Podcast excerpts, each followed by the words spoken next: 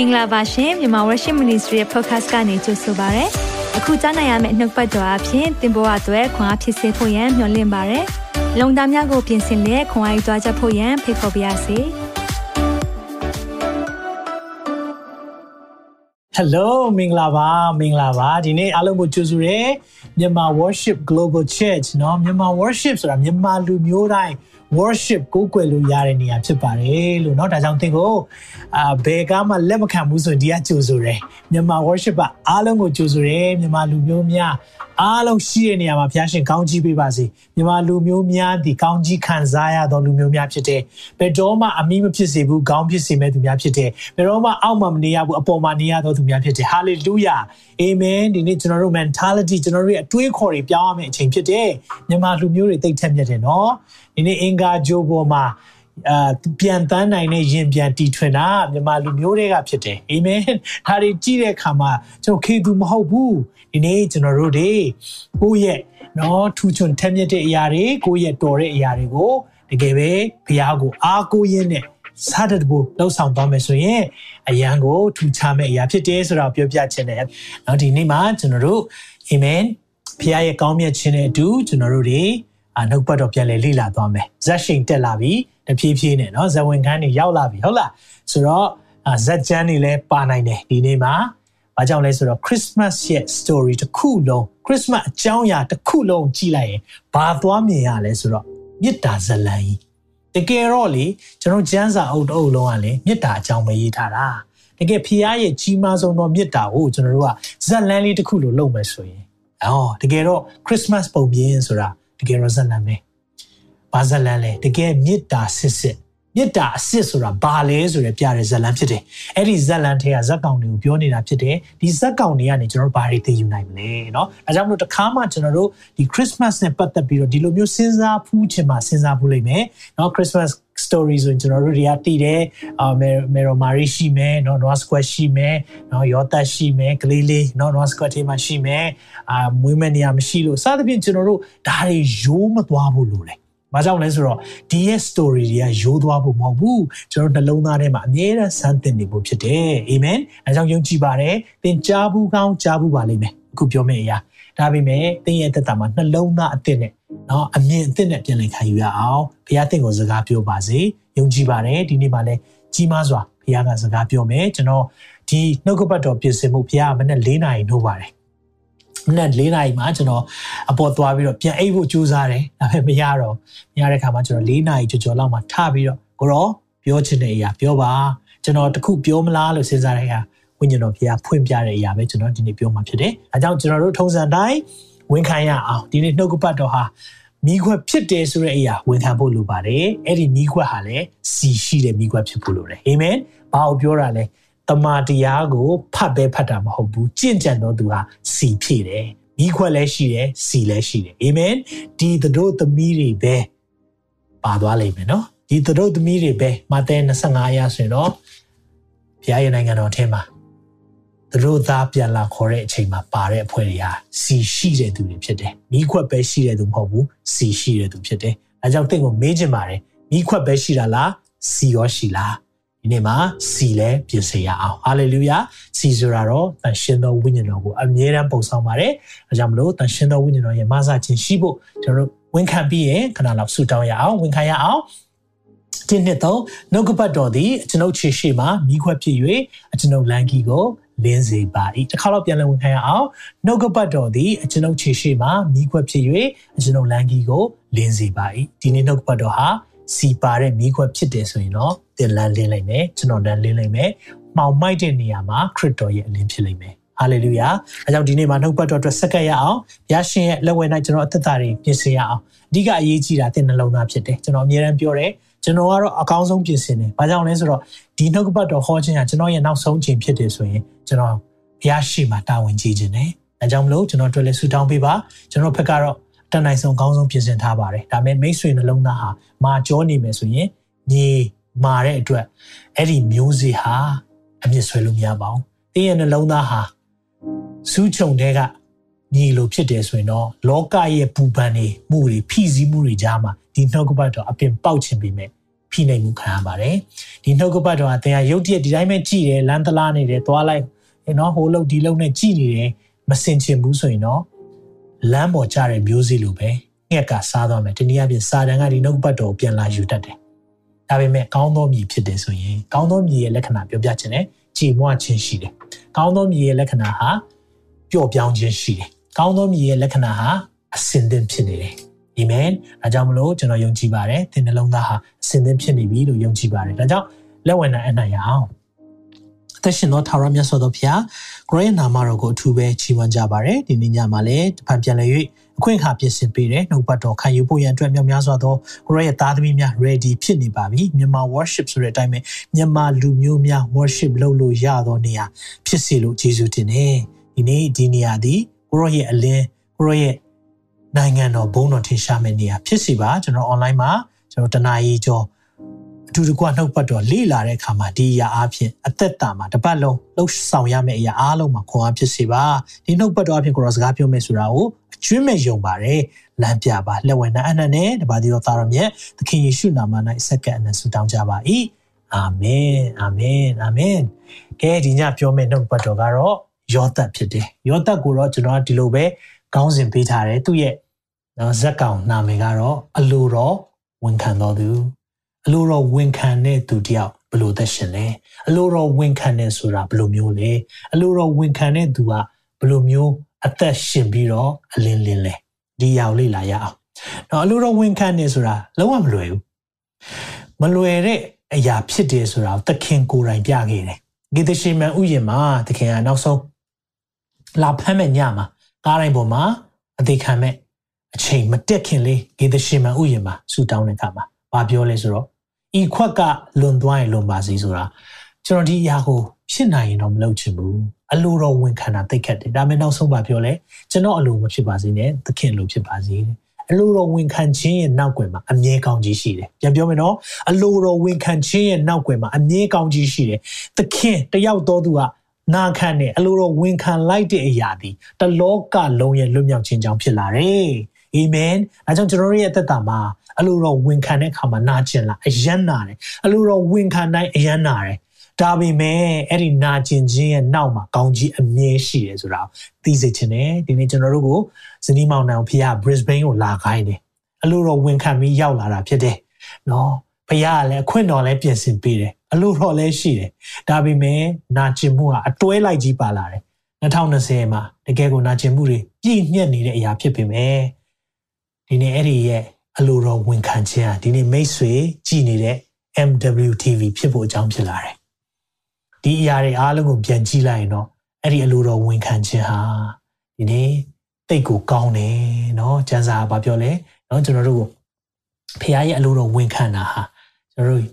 ရစ်ကောင်နေပူဇော်တာတဲ့ပူပြီးတောင်ကောင်းတယ်ဘုရားကဒီအရာကိုကြိုက်တယ်အဲကြောင့်ဘုရားဘာဖြစ်စေချင်လဲကျွန်တော်တို့ယောသတ်ကိုကြည့်တဲ့အခါမှာအများကြီးတွေ့ရတယ်ဒီနေ့မှာဘာတွေပြောပြမလဲဆိုရင်ယောသတ်ရဲ့ ဖက်ကနေကျွန်တော်တို့ကြည့်ကြည့်ရအောင်เนาะဇလန်ဒီခရစ်စမတ်ဇလန်မှာယောသတ်ကအမြဲတမ်းပါတော့ပါတယ်เนาะ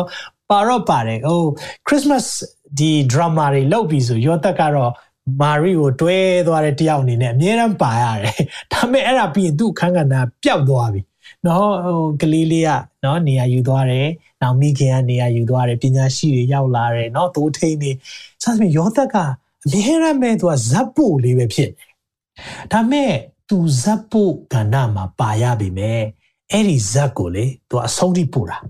ဒါလေးကိုနားလဲစေချင်တယ်ဒီနေ့မှာကျွန်တော်ယောသက်အကြောင်းလေ့လာတဲ့အခါမှာမလေးစားပဲမနေနိုင်ဘူးသူ့ကိုတိတ်မပြောကြဘူးသူ့အကြောင်းဒါပေမဲ့ဒီနေ့မှာကျွန်တော်တို့ပြောရအောင်ဒီနေ့အာယောသက်ရဲ့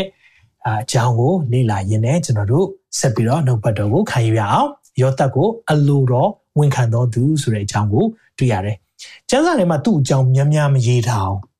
နော်သူ့အကြောင်းများများမတွေ့ရအောင်။တိတ်ပြီးတော့မဖော်ပြအောင်။အတခြားသူတွေအကြောင်းဆိုအများကြီးဖော်ပြတယ်နော်။ဒါပေမဲ့သူ့အကြောင်းကနော်ဆာမျက်နှာနည်းနည်းပဲနော်အခန်းမာသဲထဲမှာနည်းနည်းပါတယ်လူကာထဲမှာနည်းနည်းပါတယ်သိမပြောဘူး။ဒါပေမဲ့သူ့ရဲ့ပါဝင်လိုက်ရတဲ့အခန်းကဏ္ဍကတော်တော်ကြီးတယ်နော်ဆိုတော့သူအခန်းကဏ္ဍဘယ်လောက်ကြီးလဲဒီနေ့လေ့လာရအောင်ဆိုတော့သူ့အကြောင်းနဲ့ပတ်သက်ပြီးတော့ကျွန်တော်ပြန်มาတွေ့ရလဲဆိုရင်တော့ ရှင်မသက်ခရစ်ဝင်ကျမ်းအခန်းကြီး1ထဲမှာပဲသူ့အကြောင်းပြောထားတယ်ဒါလေးနဲ့ကျွန်တော်တို့အရင်ဆုံးဖတ်ပြီးတော့သွားရအောင်နော်ဟုတ်ပြီကျွန်တော်တို့အငယ်၁၈ကနေဖတ်ချင်ပါတယ်ယေရှုခရစ်ဖွားမြင်ခြင်းနဲ့ပတ်သက်ပြီးတော့ရေးထားတဲ့အရာဖြစ်တယ်ခရစ်တော်သည်ဖွားမြင်ခြင်းကိုခံတော်မူသောအကြောင်းအရာဟုတ်မူကားမေရိုမာရိသည်ယောသတ်နဲ့ထိမ်းများဆောင်နှင်း၍ နော်အဲ့ဒီစကလုံးလေးမှတ်ထားပြီးပါထိမ်းများဆောင်နေတယ်ဆိုတာကျွန်တော်တို့မြန်မာတွေသိတဲ့လက်ထပ်တာပေါ့နော်ဒါပေမဲ့ဂျူးရဲ့ထုံးစံမှာအဆင့်၃ဆင့်ရှိတယ်ဒါကိုပြီးကြရင်ရှင်းပြမယ်မရှက်တင်မီဆိုတာလိန်ဆက်ဆံခြင်းမပြုဘူးအတူတူမနေဘူးပေါ့နော်နာနာနာနဲ့မမွာဖဝါနဲ့ပဲနာပြီးပါနော်ဒီနေ့နားလည်အောင်ပြောရမယ်ဆိုရင်ဒါသူတို့ထိမ်းများဆောင်နှင်းပြီးတော့ဘာကြောင့်မရှက်တင်တာလဲဒီအကြောင်းကိုကျွန်တော်ပြီးကြရင် ရှင်းပြခြင်းနဲ့တန်ရှင်းသောဝိညာဉ်တော်ကြောင့် break 3ဆွဲနေ၏သူဤခင်မယောသတ်သည်သူတော်ကောင်းဖြစ်၍မာရိအသရေကို မပြတ်စေခြင်းသောကြောင့်တိတ်ဆိတ်စွာစွန့်ပယ်မိဟုအကြံရှိ၏ပြီးရင်ဆက်ကြည့်အောင်ထို့သောကြံစီစဉ်နဲ့အိမ်မက်ကိုမြင်ရသည်မှာထာဝရဘုရားကောင်းကင်တမန်သည်ထင်ရှား၍ဒါဝိအမျိုးယောသတ်ဆိုတော့ဒါဝိရဲ့အမျိုးယောသတ်ဖြစ်တယ်ဆိုတာဘာကိုပြောတာလဲဆိုတော့ရှင်ဘုရင်မျိုးရိုးဖြစ်တယ်ဆိုတာကိုသိစေချင်တယ်တနည်းအားဖြင့် ထီနန်ဆက်ဆက်ပြီးတော့ပိုင်ခွင့်ရှိသောအမျိုးသူဤခင်မိုးမာရီကိုထိမ့်သိမ့်ခွင့်ရမိအခွင့်ကိုမစိုးရိမ်နဲ့ဤပရိသေတွေဒီဒီကိုဝင်ဘာကြောင့်ရလဲဆိုတော့တန်ရှင်းသောဝိညာဉ်တော်ကြောင့်ဖြစ်၏တဲ့ဖခင်ရဲ့ဝိညာဉ်ကြောင့်ဖြစ်တယ်လို့ပြောတယ်။တားယောက်ျားကိုဖွားမြင်လိုက်ပြီးထိုသားသည်မိမိလူတို့ကိုအပြစ်မှာကယ်ချွတ်မိသူဖြစ်သောကြောင့်ယေရှု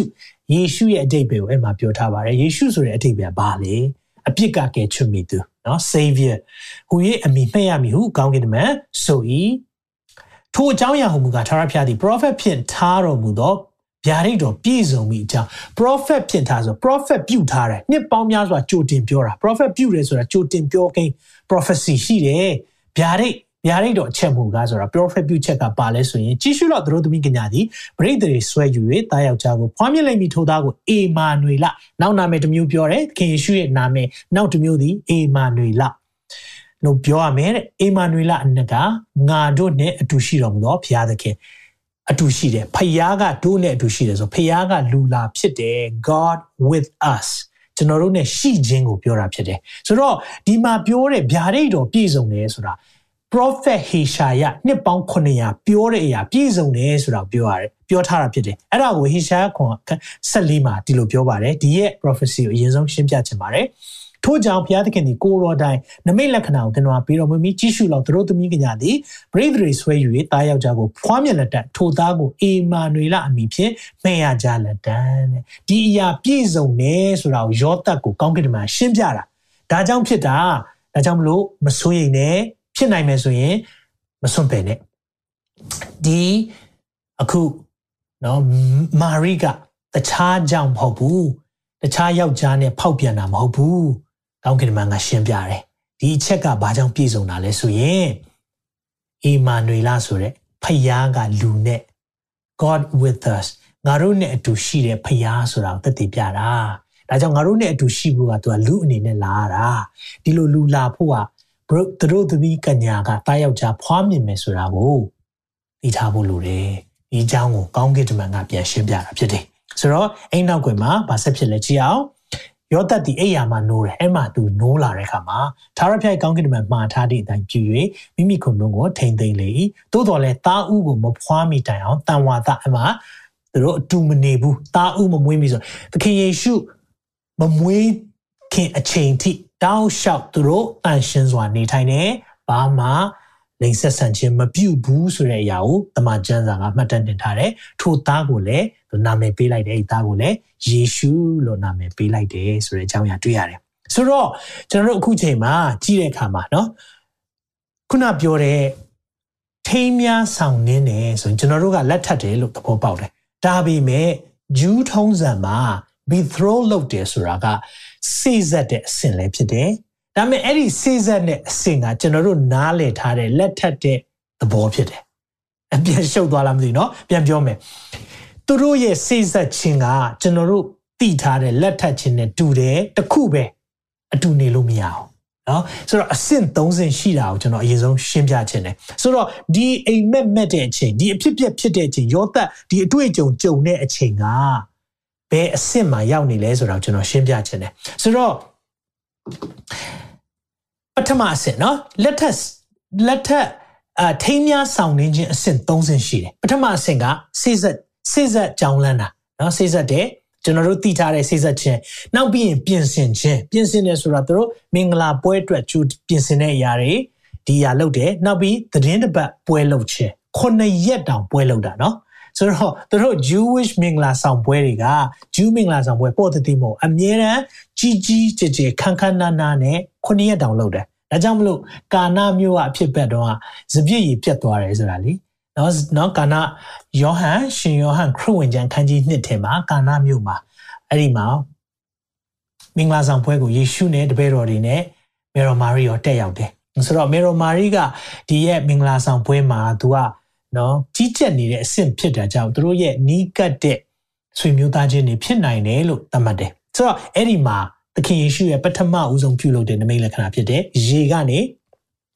စပြည့်နော်ဆိုတော့ခုနှစ်ရက်ပွဲလုံးမှာတော့သူတို့တွေတောက်ပြီးတော့နော်ကုံသွားတာဒါကြောင့်မလို့ဘာကြောင့်စပြည့်ရေပြက်သွားတာလဲဆိုတာအကြောင်းရှိပါတယ်ဟုတ်ပြီဒီနေ့အဲ့ဒါပြောမှာမဟုတ်ဘူးဘာကြောင့်အဲ့ဒီအဆင့်၃ဆင့်ဟာအရေးကြီးလဲဆိုတာကိုသိစေချင်တယ်နံပါတ်1အဆင့် ထိမ်းမြန်းဆောင်နှင်းခြင်းရဲ့အဆင့်30ထဲမှာဒါဒါဂျူးတွေနော်ဂျူးတွေရဲ့လုပ်တဲ့အရာဖြစ်တယ်ဆိုတော့စိစက်ကြောင်းလန်းတယ်လို့ပြောတဲ့အခါမှာအဲ့ဒီစိစက်ကြောင်းလန်းတဲ့အချိန်ကအရန်ငယ်ကြတယ်ဆိုတော့ arrange marriage ဆိုတာကြားဖို့မယ်နော်အာမိဘတွေစီစဉ်လို့နော်ဆိုတော့မိဘတွေစီစဉ်လို့ယူတယ်ဆိုတော့ အဲအဲ့ဒီတုန်းကယဉ်ကျေးမှုကအရန်ခစ်စားတယ်ဆိုတော့မာရိကအဲ့ဒီအချိန်မှာကျန်တဲ့ပုဂ္ဂိုလ်ရဲ့ပြောဆိုချက်ရဆိုရင်စေကျော်သက်ပဲရှိသေးတယ်စေကျော်သက်ဆိုတာက73နှစ်ကနေ19နှစ်ပေါ့နော်အဲ့ဒီဂျာကာလဒါပေမဲ့သူတို့ပြောပုံရဆိုရင်စေကျော်သက်မှာတော့မှအစောပိုင်းစေကျော်သက်ဆိုတာ73 14 15ဝန်းကျင်လောက်ပဲရှိသေးတယ်ဆိုတော့အဲ့ဒီအချိန်မှာဘာကြောင့်လက်ထက်မှာလဲလို့ပြောတဲ့အခါမှာသူတို့ကစီးစက်ထားတာ နော်စိစက်ထားရဆိုတာမိဘချင်းသဘောတူထားတယ်ဒါပေမဲ့တစ်ချိန်တည်းမှာပဲနော်သူတို့ယေဘရဟိရှိမှလည်းဂတိသစ္စာပြုထားပြီးသားဆိုတော့ယောသက်ကတော့သူ့ထက်နည်းနည်းလေးပိုကြီးမယ်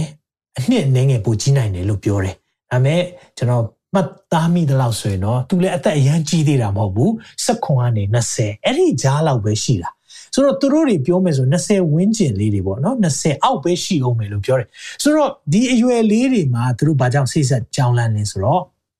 အဲ့ဒီမှာစိတ်ဆက်ကြောင်းလန့်တယ်ဒီတယောက်နဲ့ယူမယ်ယောသတ်နဲ့မာရိကစိတ်ဆက်ထားပြီးပြီဆိုရင်ဒါသူတို့ရဲ့ထုံးစံရဆိုရင်ဒါလက်ထက်တာနဲ့အတူတူပဲဒါပေမဲ့အတူနေခွင့်မရှိသေးဘူး။ဘာကြောင့်လဲဆိုတော့အဲ့ဒါအဆင့်ကိုရှင်းပြမယ်။စိတ်ဆက်ကြောင်းလန့်ပြီးပြီဆိုရင်ဒါလက်ထက်တကယ်တော့ပဲ နှစ်ဖက်သဘောတူသွားပြီဖျားရှိလူရှိမှဝန်ခံပြီးသွားပြီဒါပေမဲ့အတူနေလို့မရအောင်နော်အတူနေလို့မရသေးဘူးဘာလို့ရတာလဲဆိုနံပါတ်1အဆင့်ကယောသက်ကသူ့ရဲ့အဖေအိမ်ကိုပြန်ပြီးတော့သူ့အဖေအိမ်မှာပြင်ဆင်ခြင်းလုပ်ရတယ်နော်ဆိုတော့သူ့အဖေအိမ်မှာပြင်ပြီးတော့ပြန်ပြီးတော့သူပြင်ဆင်တယ်လို့ပြောတဲ့အခါမှာဘာကိုပြင်ဆင်တာလဲဒီအရာသိရေးကြည့်တယ် ဒီရဲ့ကာလကအနည်းဆုံးတစ်နှစ်ကြာတယ်လို့ပြောတယ်တခါလေအဲ့ထက်ပိုကြာတယ်ဆိုတော့သူတို့သားလောင်းကအမြဲတမ်းအဖေအိမ်ပြန်သွားပြီးရင်သူနဲ့ယူမဲ့ဇနီးတဲ့အတွက်သူတို့နေမဲ့အိမ်နော်သူတို့စာဝင်နေရေးမှစရွေးအဲ့ဒီအတွက်ပြင်ဆင်တဲ့ကာလရှိတယ်ယောသက်ကအိမ်မက်မက်တဲ့အချိန်ကအဲ့ဒီကာလမှာမက်တယ်ဆိုတာသိရတယ်နော်ဆိုတော့သူပြင်ဆင်နေတဲ့အချိန်မှာနော်အဲ့လိုပြင်ဆင်တဲ့အချိန်မှာသူတို့တွေးလို့ရတယ် သို့တော့အတူနေလို့မရအောင်အာဆိုတော့ဒီနော်သူချစ်တဲ့သူနဲ့ဒါပေမဲ့ तू မာရိကိုအယမ်းချစ်တယ်ဆိုတာကိုလေအယမ်းသိတာတယ်ဘယ်လိုသိတာလဲဆိုတာကိုပြီးကြရင်ကျွန်တော်ရှင်းပြမယ်ဆိုတော့အယမ်းချစ်တယ်သူသူ့အကြောင်းပဲစဉ်းစားနေပါအဲ့ဒီအချိန်မှာစဉ်းစားကြည့်နော်သူတို့သားအနေနဲ့သူတို့သားလောင်းပေါ့နော်သူတို့သားလောင်းအနေနဲ့ဟာသူပုံဖော်မယ်သူတို့နေမဲ့အိမ် နော်သူတို့ဘယ်လိုမျိုးလေးသွားခြင်းနဲ့ဘဝကိုဘယ်လိုသွားမယ်သူစဉ်းစားနေပါမယ်နေ့စဉ်သူပြင်ဆင်နေတာအဲ့ဒီအတွက်ပြင်ဆင်တာဆိုတော့အဲ့ဒီအတွက်ပြင်ဆင်ရင်းနဲ့သူကစဉ်းစားနေရင်းနဲ့အာစိတ်ကူးတွေရင်းနေမှာပေါ့အာအဲ့ဒီအချိန်မှာသူ့ရဲ့ပြင်ဆင်တဲ့အခြေအနေအားလုံးကိုအဖေကစောင့်ကြည့်နေတယ်ဘေးကနေကြည့်ပြီးတော့ငါသား ready ဖြစ်ပြီလားအဲ့ဒီ ready ဖြစ်တဲ့အချိန်ကြမှာသားရေတို့သမီးကိုသွားခေါ်လိုက်တော့ဆိုတော့အဲ့ဒီအချိန်မှာလုံးဝ surprise ပဲနော်လုံးဝအကြောင်းမကြဘဲနဲ့အဲ့ဒီအချိန်မှာရုတ်တရက်ကြီးထပြီးတော့သွားတယ်ဒါကြောင့်မလို့တို့သမီးတွေကဒီနေ့ငါ့ကိုလာခေါ်တော့မလားမသိဘူးဆိုပြီးအမြဲတမ်းစိတ်လှုပ်ရှားတယ်ဒီနေ့များဖြစ်နေမလားမသိဘူးအော်ရောသက်လာခေါ်တော့မယ်ထင်တယ်မာရီတယောက်တော့အမြဲတမ်းရင်ခုန်နေမှာဒါကြောင့်သူတို့ကအမြဲတမ်းပြင်ဆင်ထားရတယ်ဒီဒီရဲ့ပုံဥပမာဘာနဲ့တူလဲသိလားတတို့သမီးဖြစ်တဲ့ယုံကြည်သူများကိုလေတတို့သားဖြစ်တဲ့သခင်ယေရှုကပြန်လာခေါ်ရမယ် အဲ့ဒီပြန်လာခေါ်တဲ့အချိန်ဒါကြောင့်မလို့ तू ကစိစက်ကြောင်းလမ်းပြီးသွားပြီလားအမည်စိစက်ကြောင်းပြီးသွားပြီကာရာနီမှာတင်းနဲ့ကျွန်တော်အတွက်အသွေးနဲ့ကိုဝယ်ထားတာဖြစ်တယ်ပြီးတော့အဖအိမ်ကိုပြန်သွားတယ်သူဘာပြောသွားလဲမင်းတို့နေစရာအခန်းအတွက်ငါသွားပြင်ဆင်မယ်မပြောဘူးလားပြီးကြရင်ပြန်လာခေါ်မယ်မပြောဘူးလားဒီရဲ့ပုံရိပ်ကဂျူးရီရဲ့မင်္ဂလာဆောင်ဖြစ်တယ်အဲ့ဒီအချိန်မှာယောသက်ကစဉ်းစားပြီးအဲ့လိုဖြစ်နေတဲ့အချိန်မှာ ဘာဖြစ်သွားလဲဆိုတော့သူလည်းရင်ခုန်နေမှာပေါ့ရင်ခုန်တဲ့အချိန်မှာတော့နော်ဆိုတော့ तू तू तू မျော်လင့်နေတာကတတိယအဆင့်တော့အဖအီမှာပြင်ဆင်နေတယ် तू မျော်လင့်နေတာပါလဲခုနှစ်ရက်တောင်ပွဲခံမှာအဲ့အတွက်လည်းသူတို့ပြင်ဆင်ရတဲ့အစားအသောက်ပြင်ဆင်ရမယ်နော်စပီးရီဆိုလည်းပြင်ဆင်ရမယ်သူတို့ပွဲကြီးကြီးလောက်တာဟုတ်ဆိုတော့ဒီဒီပွဲလည်းတော်တော်ကုန်ကြများပုံရပါတယ် ဆိုတော့ဒီလိုအခြေအနေတွေအတွက်သူတို့ငွေကြီးရစာ ready ဖြစ်ဖို့လုပ်နေတဲ့ကာလမှာသူဒီနေ့ပွဲတော့သူရင်ခုန်နေတဲ့အချိန်မှာပဲသတင်းစိုးတစ်ခုသတင်းစိုးပဲပေါ့နော်သူ့အတွက်ပထမပိုင်းသတင်းစိုးပေါ့ဒါပေမဲ့ဒါသတင်းကောင်းဖြစ်နေတာဒါပေမဲ့ဆက်စချင်းတော့နားမလည်တော့ကတော့သတင်းစိုးကြီးဖြစ်နေမာရီကိုဝင်ရနေပြီအဲ့ဒီအချိန်မှာသူဘယ်လိုခံစားမလဲဘယ်လိုနားလည်နိုင်ရမှန်းသိမှာမဟုတ်ဘူး ဒီအချိန်မှာတော့ဟာလုံရလိုက်တာငါမှတော့နေ့စဉ်နဲ့မြပြင်ဆင်နေတာငါတို့ရဲ့အိမ်ထောင်အတွက်ကငါပြင်ဆင်နေတာနေ့စဉ်နဲ့မြငါဒီမှာစုဆောင်းနေတာနေ့စဉ်နဲ့မြလုံနေတဲ့အရာအားလုံးကငါတို့ရှိရေးအတွက်သူအဲ့ဒီအချိန်မှာဘယ်လိုခံစားမလဲသစ္စာဖောက်တာကိုခံစားရမှာပေါ့ဟာငါတလောက်ချစ်တာကိုဒီလိုလုပ်ရလားနာကြီးမှုတွေခံစားရမှာပေါ့ဒါပေမဲ့ကျွန်တော်ပြောပြချင်တယ် တကယ်တော့ကျမ်းစာအရယောသက်ကဘယ်သူလူလူလဲဆိုတော့ဖြောက်မှတ်တော်သူလို့ပြောတယ်တနည်းအားဖြင့် तू ကဖခင်ရဲ့နှုတ်ကပတ်တော်နဲ့အသက်ရှင်တော်သူဖြစ်တဲ့အခါမှာ तू သိနေတယ်မေရှိယကိုသူတို့စောင့်မျှော်နေတာနှစ်ပေါင်းတော်တော်ကြာပြီယောမတွေရဲ့လက်အောက်မှာသူတို့ဖိနှိပ်ခံရတဲ့ခါလာသူတို့နိုင်ငံမှာနေပေမဲ့နေချက်အစိုးရပေါ့ယောမနေချက်လာပြီးတော့သူတို့ဖိနှိပ်သူတို့အခွန်ငွေတွေကောက်အဲ့လိုတွေဖြစ်နေတဲ့အချိန်မှာယောသန်နေနဲ့သူတို့မေရှိယကိုမျှော်တာပေါ့ အရန်မျှော်တဲ့အချိန်မှာယုတ်တရက်မွေးမယ်ဆိုတာ तू အဲ့ဒီအရာဆက်ဆချင်းတော့ तू မသိဘူး तू ကြားတဲ့သတင်းကကိုဝင်ရသွားပြီ तू နဲ့စိတ်ဆက်ထားတယ်တနည်းအားဖြင့်ဒါကြောင့်ကျမ်းစာတေဤခင်ဘွန်းလို့သုံးတာဘာလို့သုံးလဲဆိုတော့လက်ထပ်တကယ်သူပဲနော်လက်ထပ်ထားပြီးတဲ့အခြေအနေကိုပဲပြောတာတခုပဲလုပ်လို့မရအောင်အထူနေလို့မရအောင်ဒါကြောင့်တို့ကတေဤခင်ဘွန်း မင်္ဂလာဆောင်နှင်းထားတယ်အဲ့လိုတွေအသုံးနှုန်းတွေသုံးတဲ့အခါမှာကျွန်တော်ချက်ချင်းဖတ်တဲ့အခါမှာကျတော့ဟာမင်္ဂလာလဲဆောင်ပြီးဘာကြောင့်တို့ကအတူမနေသေးတာလဲဘာကြောင့်မနေသေးတာလဲစသဖြင့်မိခွန်းတွေအများကြီးရှိတယ်ဒါကြောင့်ကျွန်တော်နှုတ်ပတ်တော်နားလေခြင်းရဲ့ biblical language လို့ခေါ်တဲ့ Hebrew language Hebrew culture နော် Hebrew ရဲ့ delete ထုံးစံကိုနားလေမှကျမ်းစာကိုနားလေတာဆိုတော့အခုကျွန်တော်တို့နည်းနည်းနားလေလာပြီ okay ယောသန်အနေနဲ့ဘာဆက်လုပ်မလဲဆိုတော့ဒီနေ့မှာယောသန် ဘဝကိုကြည့်တဲ့အခါမှာသူ့ကနေနော်သူ့ရဲ့အခန်းကဏ္ဍဒီချိန်သူကဇက်အရန်နာနေနော်ဒီချိန်ဆိုသူနော်ဘာလုပ်မလဲတင်ဆိုဘာလုပ်မလဲရောတက်နေရမှာသိကျင်တယ်ဒီချိန်ဆိုဘာလုပ်မယ်ထင်လဲဖြည့်ရှင်းမှာအာဖြည့်ရှင်းမှာဟာလားနော်အာဒါဘသူလဲဘသူနဲ့ရတာလဲငါ့ကိုပြောနော်အဲ့ဒီခေတ်ကာလအခြေအနေလဲပြောပြချင်တယ်ဒါပေမဲ့ယောသက်ကဒီနေ့ ဘာလုပ်သွားလဲဆိုတဲ့အရာလေးကသိရေးကြီးတယ်ဒါကြောင့်မလို့ကျွန်တော်တို့နှုတ်ပတ်တော်ထဲမှာနံပါတ်1 lesson lesson from Joseph เนาะ Joseph ကနေရတဲ့သင်ခန်းစာနံပါတ်1ကတော့ဘာလဲဆိုတော့ခွင့်လွှတ်ခြင်းသင်ခန်းစာရတယ်ခွင့်လွှတ်ခြင်း forgiveness ခွင့်လွှတ်ခြင်းကိုယောသက်ကပြသွားတယ်ဘလို့ပြလဲနှုတ်ပတ်တော်ထဲမှာကြည့်ရအောင်เนาะဆိုတော့ဘာကြောင့်လဲလို့ပြောတဲ့အခါမှာအဲ့ဒီခေတ်ကာလအခြေအနေဟာပြည့်ညက်တရားရဲ့လက်အောက်ဖြစ်တယ် နော်ပြည့်ညက်တရားလက်အောက်မှာဆိုရင်ဘာလုပ်လို့မရဘူးဘာလုပ်လို့ရတယ်ဆိုတာအတိအကျရေးထားပြီးသားဖြစ်တယ်ဆိုတော့ကျမ်းစာထဲမှာပြည့်ညက်တရားလက်အောက်မှာရှိတဲ့ကာလဖြစ်တာကြောင့်ယောသတ်ကိုသူတို့ယောသတ်ကသူလှုပ်ချင်တယ်ဆိုရင်လှုပ်လို့ရတာတွေအများကြီးရှိတယ်ဆိုတော့ကဲ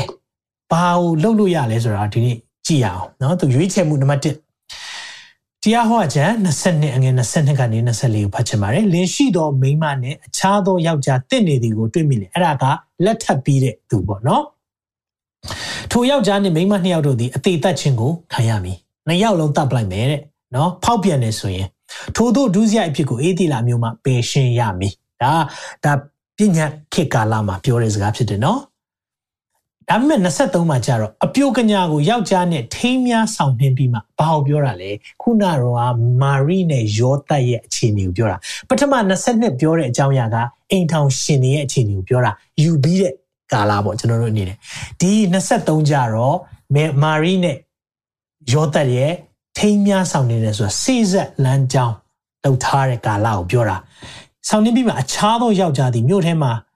တွေ့၍တင့်နေလင်းဆိုသူတို့နှစ်ယောက် ဖောက်ပြန်သွားတယ်ဆိုရင်ထိုသူနှစ်ယောက်ကိုမြို့တကားတို့ထုတ်ဆောင်ပြီးရင်ကြောက်ခဲနဲ့ပြည့်၍အသေးသက်ရမည်မိမသည်မြို့ထဲမှာရှိလျက်ပင်မအော်မဟစ်သောကြောင့်၎င်းเนาะဆိုတော့အလိုတူဖြစ်နေလို့เนาะမိမကဘာကြောင့်မအော်တာလဲယောက်ျားယောက်ျားလည်းသူ့မယားကိုရှုံချသောကြောင့်နော်ဆိုသူ့မိရားလို့သုံးထားတယ်ဒါပေမဲ့အပြိုကညာလည်းသုံးပြန်တယ်ဘာကိုပြောချင်တာလဲမာရိရဲ့အခြေအနေကိုပြောချင်တာဖြစ်တယ်ထိုသူနှစ်ယောက်တို့ဒီအတိတ်သက်ခြင်းကိုခံရမည်ထိုတို့အသင်တို့တွင်ဒုစရိုက်အဖြစ်ကိုပယ်ရှားပြရမည်တဲ့ကြည့်အောင် ဒါပြည့်ညက်တရားပြည့်ညက်တရားကတော့လောကတော့အတေးကြပဲမျက်စိတစ်လုံးထိစေရင်တစ်လုံးပြန်လုပ်လို့ရတယ်နော်သွားတစ်ချောင်းကျိုးရင်တစ်ချောင်းပြန်ယူလို့ရတယ်အဲ့ဒီကာလမှာနော်အဲ့ဒီကာလမှာယောသက်ကဘာပြသွားလဲသိလားသူတကယ်ဖြည့်ရှင်းခြင်းယုံသွားလို့ရတယ်မာရိကိုဝင်ရသွားပြီဒီကိစ္စဖြည့်ရှင်းပေးပါဘာလုပ်ဖို့လို့လဲမာရိကိုကြောက်ခဲနဲ့ပေါက်တတ်မယ် ဒါပဲလောက်ရမှာဒါဆိုရင်ကလေးရောမိခင်ရောနှစ်ယောက်လုံးသွားမှာဒါမဲ့သူဘာရွေးချယ်လိုက်လဲဘာရွေးချယ်လိုက်လဲဆိုတာကျမ်းစာထဲမှာရေးထားပါတယ်အဲဒီမှာဘာရေးထားလဲဆိုတော့အငယ်၁၉မှာမတ်သဲခရစ်ဝင်ကျမ်းခန်းကြီး1 19မှာသူ၏ခင်ပွန်ယောသတ်သည်သူတော်ကောင်းဖြစ်၍နော်ဘုရားရှိခိုးဖြောက်မှတ်တော်သူဖြစ်တယ်သူတော်ကောင်းစဉ်းစားတွေးခေါ်တတ်တဲ့သူဖြစ်တော့မာရိအသေးကိုမပြတ်စေခြင်းသောကြောင့် တကယ်တော့အသေးပြတ်တယ်ဆိုတော့သူ့ရှုံချပလိုက်လို့ရတယ်ကြောက်ခဲနဲ့ပေါက်တတ်လို့ရတယ်တိတ်ဆိတ်စွာစွန့်ပယ်မိဟုအချမ်းရှိတယ်တဲ့ဒါပေမဲ့အဲ့ဒီတိတ်ဆိတ်စွာစွန့်ပယ်တယ်ဆိုတာလေတရေဘောကြောင်တာလုံးဝမဟုတ်တတ်တည်ရှိတာနော်ကျွန်တော်ရုပ်တရက်ကြည့်လိုက်တော့ဘာကြောင့်သူထားခဲ့မှာလဲတကယ်တော့ तू ကနီလန်းတစ်ခုပဲရှိတယ်ဖြည့်ရှင်းဖို့ပထမနီလန်းကတော့ရုံးမှာတက်ဖြည့်ရှင်းအဖြေရတယ်เนาะဒါဒီလိုဖြစ်တယ်ဆိုရင်ဖောက်ပြန်တယ်ဆိုရင်ကြောက်ခဲနဲ့ပေါက်တက်ဒါမှမဟုတ်ရင်ရုပ်တရက်ဆုံးခွာလိုက် cancel လုပ်လိုက်ဆိုတော့ तू ကဒုတိယ option ပဲရွေးလိုက်တယ်ကဲဆုံးခွာမယ်ရုပ်တရက်အသေးမပြတ်စေချင်ဘူးဒါအောင်ကြည့်ချင်အဖြစ်လေမာရီကိုအရန်ချစ်တယ်ဆိုတာသိတာတယ်အဲကြောင့်ကျွန်တော်တို့ကတကယ်တော့လေမြန်မာတွေကတော့ဘလို့စကပုံတွေမျိုးမျိုးထွင်တယ်နော်အချစ်ကြီးရင်အမျက်ကြီးတယ်ဟလားအဲ့ဒါတာမန်လူတွေပြောတာဒါမဲ့လေအချစ်ကြီးရင်လေ ခွင့်လွှတ်ခြင်းနဲ့ကြီးတယ်ဟာလေလုယာ comment ရေးပါအောင်အချစ်ကြီးရင်အမျက်ကြီးတယ်ဆိုတာတာမန်လူအတွက်ပြောတာဒါပေမဲ့သင်ဟာဖျားလူဖြစ်တယ်ဆိုရင်လေအချစ်ကြီးရင်လေခွင့်လွှတ်ခြင်းနဲ့ကြီးရအောင်ဒီနေ့ယောသတ်ကတော့အချစ်ကြီးတဲ့ခါမှာခွင့်လွှတ်ခြင်းကြီးတယ်နှလုံးသားကြီးတယ်နှလုံးနောက်တစ်ခုအပေါ်ပါလာသလားအောက်မရတယ်ရတယ်အေးစားမရှိဘူး तू ဖြည့်ရှင်းလို့ရတယ်ဒါပေမဲ့အံ့ဩဖို့ကောင်းတာနော်အဲ့လိုဖြည့်ရှင်းဖို့ तू သူအတရေမပြတ်စေချင်ဘူးလို့ဆုံးဖြတ်တဲ့နောက်မှပဲ ဖခင်ရဲ့ဗျာဒိတ်တော်လာတာကောင်းကင်ထဲမှာအိမ်နောက်မှလာတာအာသူအဲ့မှာခေါင်းတွေပူထူပြီးတော့လုံရင်ကောင်းမလားမလုံကောင်းမလားငါသူ့ကိုဖြည့်ရှင်းအဲ့လိုမျိုးရှုပ်ထွေးနေခြင်းဖခင်လာပြီးဖြည့်ရှင်းပေးတာမဟုတ်သူစိတ်ထဲကရှင်းရှင်းလေးပဲโอเคဒီလိုဆိုရင်တော့ငါအသေးမဖြတ်ချင်ဘူးဒါကြောင့်မလို့အကောင်းဆုံးကတော့အေးအေးဆေးဆေးပဲဖြည့်ရှင်းလိုက်တာကောင်းမယ်အဲ့လိုစိတ်ရှိတဲ့နောက်မှာမှဖခင်ရဲ့ကောင်းကင်မှာလာပြီးစကားပြောတာ အောင်ဖို့ကောင်းတယ်နော်မိတ်ဆွေဒီနေ့ကျွန်တော်အဲ့ဒါကိုကြည့်တဲ့အခါမှာလေခွင့်လွတ်ဖို့အရင်ဆုံးဖြတ်တာပြီးကြမှာဖခင်ရဲ့စကားသံအတည်ပြုတာမိတ်ဆွေဒီနေ့မှာလေတင်းရဲ့နှလုံးသားထဲမှာချီနှောင်မှုရှိတယ်ဆိုခွင့်လွတ်ခြင်းကိုအရင်လုပ်လိုက်ဖခင်ရဲ့လွတ်မြောက်ခြင်းနဲ့ဖခင်စကားသံကပြီးမှကြားတာအခါလေကျွန်တော်တို့ခွင့်လွတ်ခြင်းအကြောင်းတွေအခုလိုကြားပေမဲ့တောင်ခွင့်မလွတ်နိုင်ဘူးဒီနေ့ကြောင့်ကျွန်တော် blind ဖြစ်နေတာနားတွေကပိတ်နေတာဘယ်တော့မှမကြားနိုင်ဘူးဖခင်ရဲ့အတန်အောင်ဒီဖခင်အတန်ဘယ်လိုကြားသွားလဲယောသက် သူ့နှလုံးသားဆုံးဖြတ်လိုက်တယ်ငါယုတ်တရက်ပဲ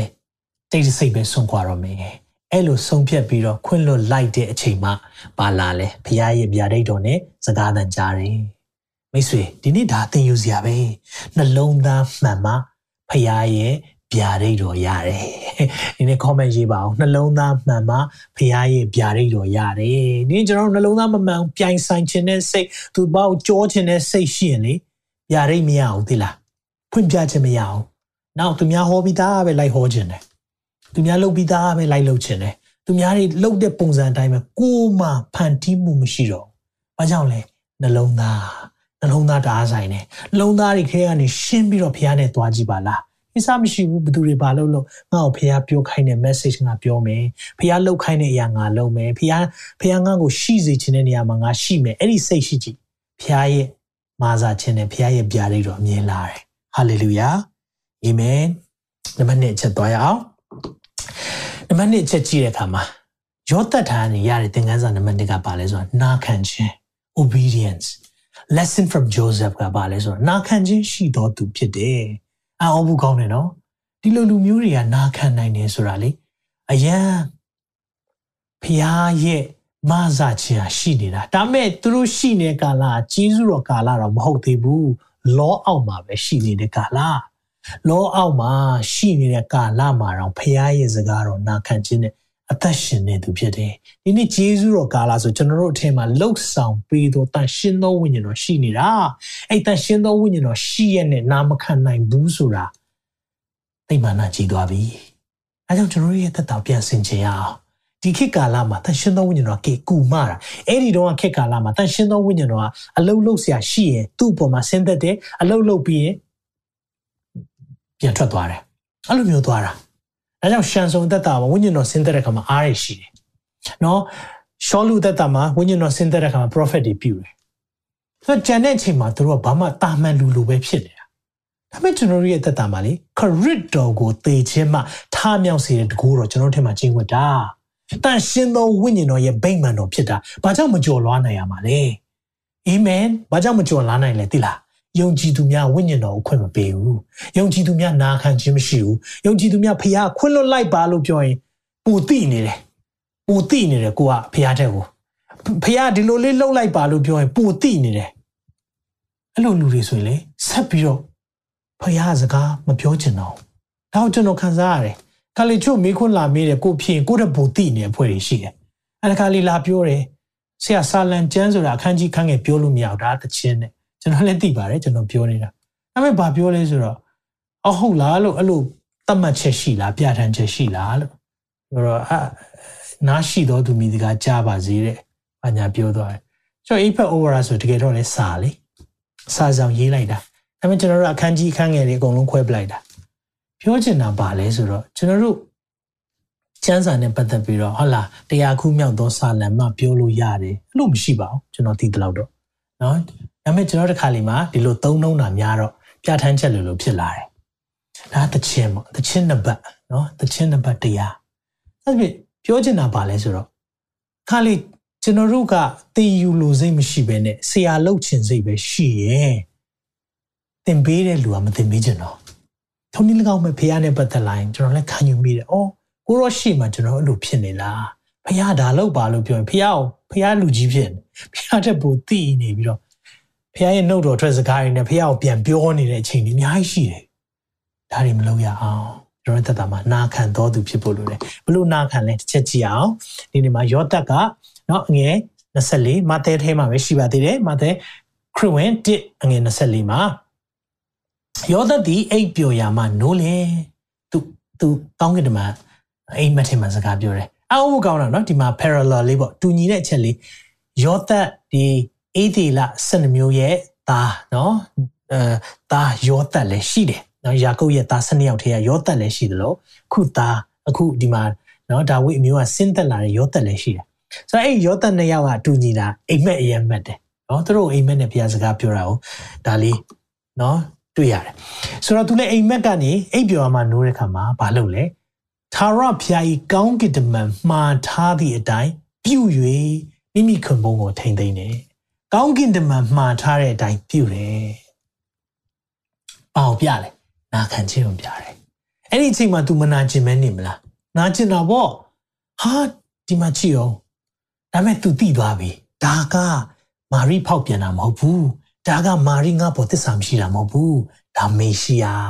အဲ့ဒီအချိန်မှာ तू လေသိသွားတယ်ဒါဖះကိုချစ်တဲ့စိတ်ကြောင့်ဖြစ်လာတာနော်ဖះကိုမျှော်လင့်တဲ့စိတ်ရဲ့နောက်ွယ်မှာဖြစ်လာတဲ့အရာတွေ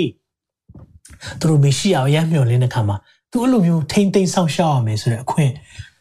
သူရတာဟာသူတို့ဘယ်လောက်ကောင်းလဲဒီမှာသို့တော်လေတားဥကိုမဖွားမိတိုင်အောင်တန်ဝါတာမပြူလုံးဝနော်မေရှိယကိုအထိခိုက်မခံအောင်နော်သူလုံးဝ တန်ရှင်းစွာနေထိုင်နေဆိုတဲ့အရာတွေ့ရတယ်ဒါပဲလားမဟုတ်ဘူးသူ့ရဲ့နာခံခြင်းအကျင့်ချင်းကျမ်းစာထဲမှာတွေ့ရတယ်မာသဲခရစ်ဝင်ကျမ်းခန်းကြီး1ထဲမှာငွေ73မှာတွေ့တဲ့အခါမှာအေဂုတ်တုပီကိုရှောင်တင်ရတယ်။ဘာကြောင့်လဲဆိုတော့ဟီရိုမင်းကြီးအရင်စိုးရင်သွားတယ်သူ့နိုင်ငံမှာမင်းလောင်ပွင့်နေနော်ဘရင်ပွင့်နေဆိုတော့ပညာရှိတွေကလည်းနန်းတော်သွားလိုက်တာအဲ့ဒီအချိန်မှာဟာဒုက္ခပဲငါမှသားမမရှိတာဒါဆိုရင်ငါ့ကိုပုံကန်တဲ့သူပဲဖြစ်မယ်နှစ်နှစ်အောက်ကလေးတွေအကုန်သတ် တိုင်းသူပြည်သားတွေကနှစ်နှစ်အောက်ကလေးအားလုံးကိုတတ်ခိုင်းလိုက်တဲ့အခါမှာအဲ့လိုတတ်ဖြတ်မဲ့အချိန်ကာလမှာကောင်းကင်တမန်ပဲစကားလာပြောတဲ့အခန်းလေးကိုဒီမှာတွေ့ရတယ်ထိုသူတို့သွားကြသည်နောင်ဆိုတာဒါကပညာရှိတွေကိုပြောတာယောသတ်ဒီအိမ်မက်ကိုမြင်ဒီမှာထာဝရဘုရားဤကောင်းကင်တမန်ဒီထင်ရှား၍သင်ထလောထထထမေရောနဲ့တငယ်တော်ကိုဆောင်ယူပြီးလေအဲဂုတ်တို့ပြီးတို့ပြီး၍တဖန်ငါပြောဆိုတဲ့အတိုင်းထိုးပြီးနိုင်နေလောအဲဂုတ်တို့ပြီးမှသွားပြေးအမှနေပါအောင် ဟီရိုမင်းကြီးဒီတငယ်တော်ကိုတတ်ချင်ကရှာလိုက်ပြီတတ်ဖို့ရှာနေပြီဒီမှာငွေဆက်လေးမှာကျွန်တော်သဘောသိကြတယ်ဗာပြောလေဒီလားထိုခါယောသက်ဒီထ၍ချက်ချင်းထတာနော်မေရောနဲ့သားတော်ကိုညအချိန်တိုင်းဆောင်ယူပြီးလေအဲကုတ်သူပြီးတော့ထွက်သွားတယ်အဲ့ချိန်ကျမှ online မှာလက်မှတ်တွေဝယ်တာမဟုတ်ဘူးနော်အဲ့ချိန်ကျတော့နေအောင်အဲနော် app နဲ့လက်မှတ်တွေဖြတ်တာမဟုတ်ဘူးအဲ့လိုမလွယ်ဘူးအဲ့ဒီမှာခီးသွားတာညဆိုရင်မှောင်မဲ့အဲ့ဒီမှာနော်ဓမြတွေတခိုးတွေနော်တာရဲတရိษံတွေအဲ့လိုမျိုးကြားထဲမှာ သွားတာညအချိန်ချက်ချင်းထတာပါလေနာခံတော်တာဘုရားရဲ့စကားနာခံတော်သူချက်ချင်းလုပ်လို့ရှိတယ်ချက်ချင်းလုပ်တယ်အဲ့ဒီအရာလေးကောင်းဒီကျမ်းစာထဲမှာအမြဲတမ်းတွေ့ရတယ်အာဗြဟံရဲ့အသက်တာဆိုလေဘုရားပြောတယ်သားအိဇက်ကိုပူဇော်ပါနော်ကပောက်ကျမ်း20ထဲမှာနည်းနည်းနည်းနည်းချက်ချင်းထားချက်ချင်းလုပ်တယ်ဆိုတာတွေ့ရတယ်ကျွန်တော်တို့ဆိုကိုရောတေချာလာကိုရောခဏလေးကိုရော 3လလောက်ဘုရားကိုပြန်ပြီးဈေးစစ်တာခဏကိုရောဒါလေးကို confirm လုပ်ပါအောင်နောက်တစ်ယောက်ကနေပြောပါစီဟလား confirm 3ချိန်လောက်ဖះပြောနေတဲ့ဟာကိုကျွန်တော်တို့ကလေချက်ချင်းမဝင်ခံနိုင်တာဘာကြောင့်လဲမာနမာနကိုပိုတိတယ်ကိုပိုတတ်တယ်ဆိုတဲ့အရာရှိနေသေးရတော့ဖះကျွန်တော်နဲ့အလုပ်လုပ်ဖို့သိခက်လိမ့်မယ်မိတ်ဆွေရောတက်ကိုကြည့်ပါအောင်เนาะချက်ချင်းပဲအဲ့ဒီမှာဘာဖြစ်သွားလဲဆိုတော့နောက်ပြီးရင်ဟေရုမင်းကြီး အနိစ္စရောက်သည့်တိုင်အောင်ထိုးပြီးနိုင်တယ်ဆိုတော့အေဂုတ်တို့မှာအကြိုင်းနေလိုက်ရတယ်သူတို့ထိုအကြောင်းအရာကတဲ့ဒါဘာကြောင့်ဖြစ်တယ်လဲကျမ်းစာရှင်းပြပြီနော်ဘာကြောင့်ဒါဖြစ်လဲဆိုရင်ငါသားကိုအေဂုတ်တုပြီမှာငါခေါ်ခဲ့ပြီဟုသာရဖျားသည် prophet ဖြင့်ထားတော်မူသောဗျာဒိတ်တော်ပြည့်စုံမဲ့အကြောင်းတည်းတဲ့ဘာပြောတာလဲဆိုတော့တဲ့ကျမ်းစာထဲမှာဗျာဒိတ်တော်လို့ပြောတိုင်းကြိုတင်ဟောခဲ့ကြိုတင်ပြောထားတဲ့အရာတွေငါသားကိုအေဂုတ်တုပြီကနေခေါ်ခဲ့မယ်ဆိုတဲ့ကျမ်းစာပြည့်စုံတာလေတဲ့မတရားရှင်းပြထားတယ် ဒါမဲ့တကယ်တော့အဲ့ကျမ်းစာပြည့်စုံပြီးသားဘလို့ပြည့်စုံပြီးသားလဲဆိုတော့ကျွန်တော်ရှင်းပြမယ်တကယ်တော့ငါသားလို့ပြောတာယေရှုကိုအဲ့ဒီအချိန်မှာပြောတာမဟုတ်ပဲねဘသူ့ကိုပြောတာလဲဆိုအီသီလတနည်းအားဖြင့်ဣသရေလနိုင်ငံဣသီလတိုင်းပြည်ကိုငါသားကိုအီဂျစ်ကနေဆောင်ယူခဲ့မယ်ဆိုတာအေဂုတ်တုကနေเนาะအီဂျစ်ကနေမောရှေအားဖြင့်ဆောင်ခဲ့တဲ့အကြောင်းအရာကိုเนาะအဲ့ဒါကိုပြောချင်တာလဲဖြစ်တယ်လို့ prophecy ဆိုတာ တခါလေ double meaning ရှိတယ်ကျမ်းစာမှာဖော်ပြတဲ့ prophet ပြုချက်ဆိုတာတစ်ခါလေးမှာနှစ်ကြိမ်ပြည့်စုံတယ်တစ်ခါတည်းမဟုတ်ဘူးနှစ်ကြိမ်ကျမ်းစာထဲမှာကျွန်တော်နောက်ဥပမာပေးမယ်ဘာလဲဆိုတော့အနန္တတေးအရင်ဆုံးရှင်းပြခြင်းတယ်နော်ဘာကိုပြောချင်တာလဲဟောရှီတဲ့ကပြောတဲ့အရာကိုပြောတာဟောရှီနာဂတ်ဒီကျန်ခန်းကြီး7မှာဤသည်လျာသည်အသက်ငယ်သောအခါငါသည်ချစ်၍ငါသားကိုအေဂုတ်တုမှခေါ်ခဲ့ပြီခေါ်ခဲ့ပြီးပြီအဲ့တော့ခေါ်ခဲ့ပြီးပြီဟောရှီပြောတဲ့ချိန်တော့ပြီးပြီ ဟိုးရင်တော့တမိုင်းကြောင်းကိုပြန်ရေးတာဒါပေမဲ့မတဲကဘာပြောလဲဆိုတော့အဲ့ဒီကျမ်းပိုက်ကထပ်ပြီးပြည့်စုံတာလို့ပြောတာအဲကြောင့် prophet ပြုချက်တီဟာတစ်ခါလီမှာတစ်ကြိမ်တည်းမဟုတ်ဘဲနဲ့နှစ်ကြိမ်ပြန်ပြည့်စုံတာရှိတယ်ဥပမာဆိုရင်ဟောမေရှိယလာဂန်နီမှာအေလိယကိုလွှတ်မယ်လို့ပြောတယ်နော် prophet အေလိယကိုလမ်းတော်ပြင်ဆင်ဖို့လွှတ်မယ်ဆိုတော့လွန်ခဲ့တဲ့နှစ်ပေါင်း2000တော့အေလိယလာပြီးသွားပြီဘသူအနေနဲ့လာတာနှစ်ချင်းစရာယောဟန် နှစ်ချင်းစရာယောဟန်အေလိယရဲ့စိတ်ဝိညာဉ်နဲ့ရှိတယ်။ဒါဆိုရင်ကျိတ်ကျမ်းစာကြီးပြည့်စုံပြီးသွားပြီ။ထပ်ပြည့်စုံမလား။ပြန်ပြည့်စုံမယ်။အခုမေရှိယပြန်လာတော့မယ်နော်မေရှိယကျွန်တော်တို့ပြန်လာတာသူတို့သားသူတို့သမီးကိုပြန်ခေါ်တော့မှာအဲ့ဒီကာလမတိုင်ခင်လေးမှာရဲရင်စွာဟောပြောသော Elia spirit spirit of Elijah အေလိယရဲ့စိတ်ဝိညာဉ်နဲ့ဟောပြောတော်သူတွေဘုရားဆီလွတ်လိမ့်မယ်။နော်ပြီးရင်